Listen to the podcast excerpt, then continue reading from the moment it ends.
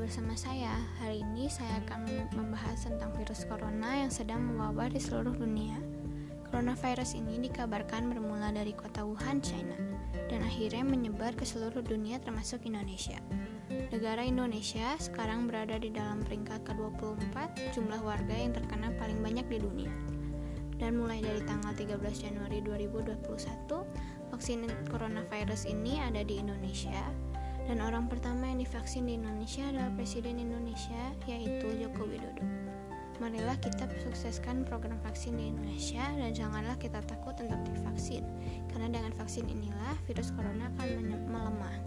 Tetapi walaupun sudah divaksin, kita juga harus tetap menjaga kesehatan kita dengan tetap memakai masker dan mencuci tangan sebelum makan dan sesudah makan dan. Marilah kita perangi virus corona dengan vaksin dan gaya hidup sehat. Sekian, terima kasih and stay healthy. Bye bye.